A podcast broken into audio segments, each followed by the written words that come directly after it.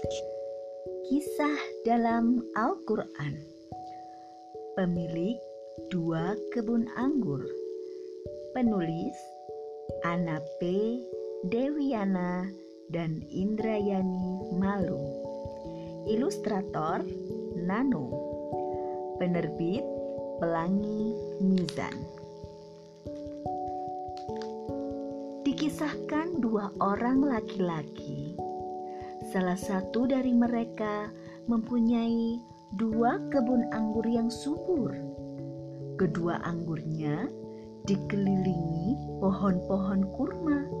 Di antara dua kebun itu terdapat ladang dan sungai yang mengalir.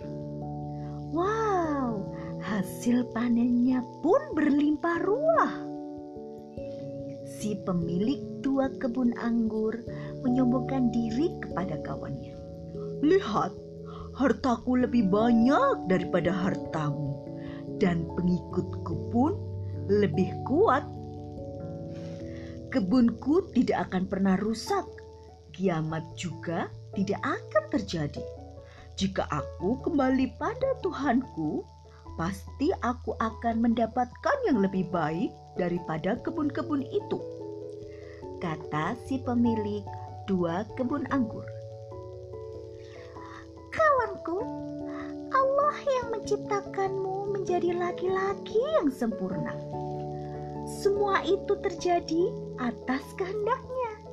Janganlah ingkar terhadap Allah. Aku percaya Allah Tuhanku. Aku tidak menyekutukannya jadi, kenapa engkau tidak bersyukur ketika memasuki kebun-kebunmu? Lihatlah, aku tidak bersedih meski harta dan keturunanku sedikit. Ucap kawannya. Kawannya khawatir si pemilik dua kebun anggur akan celaka karena kesombongannya. Ternyata kekhawatiran kawannya terbukti. Suatu ketika kebun anggur itu rusak dan kering. Ya ampun, coba aku tidak menyekutukan Allah dan tidak sombong. Sesal si pemilik dua kebun anggur. Oh, ternyata tidak ada yang bisa menolongku dari kesulitan kecuali Allah. Ucap si pemilik dua kebun anggur lirih. Sekian.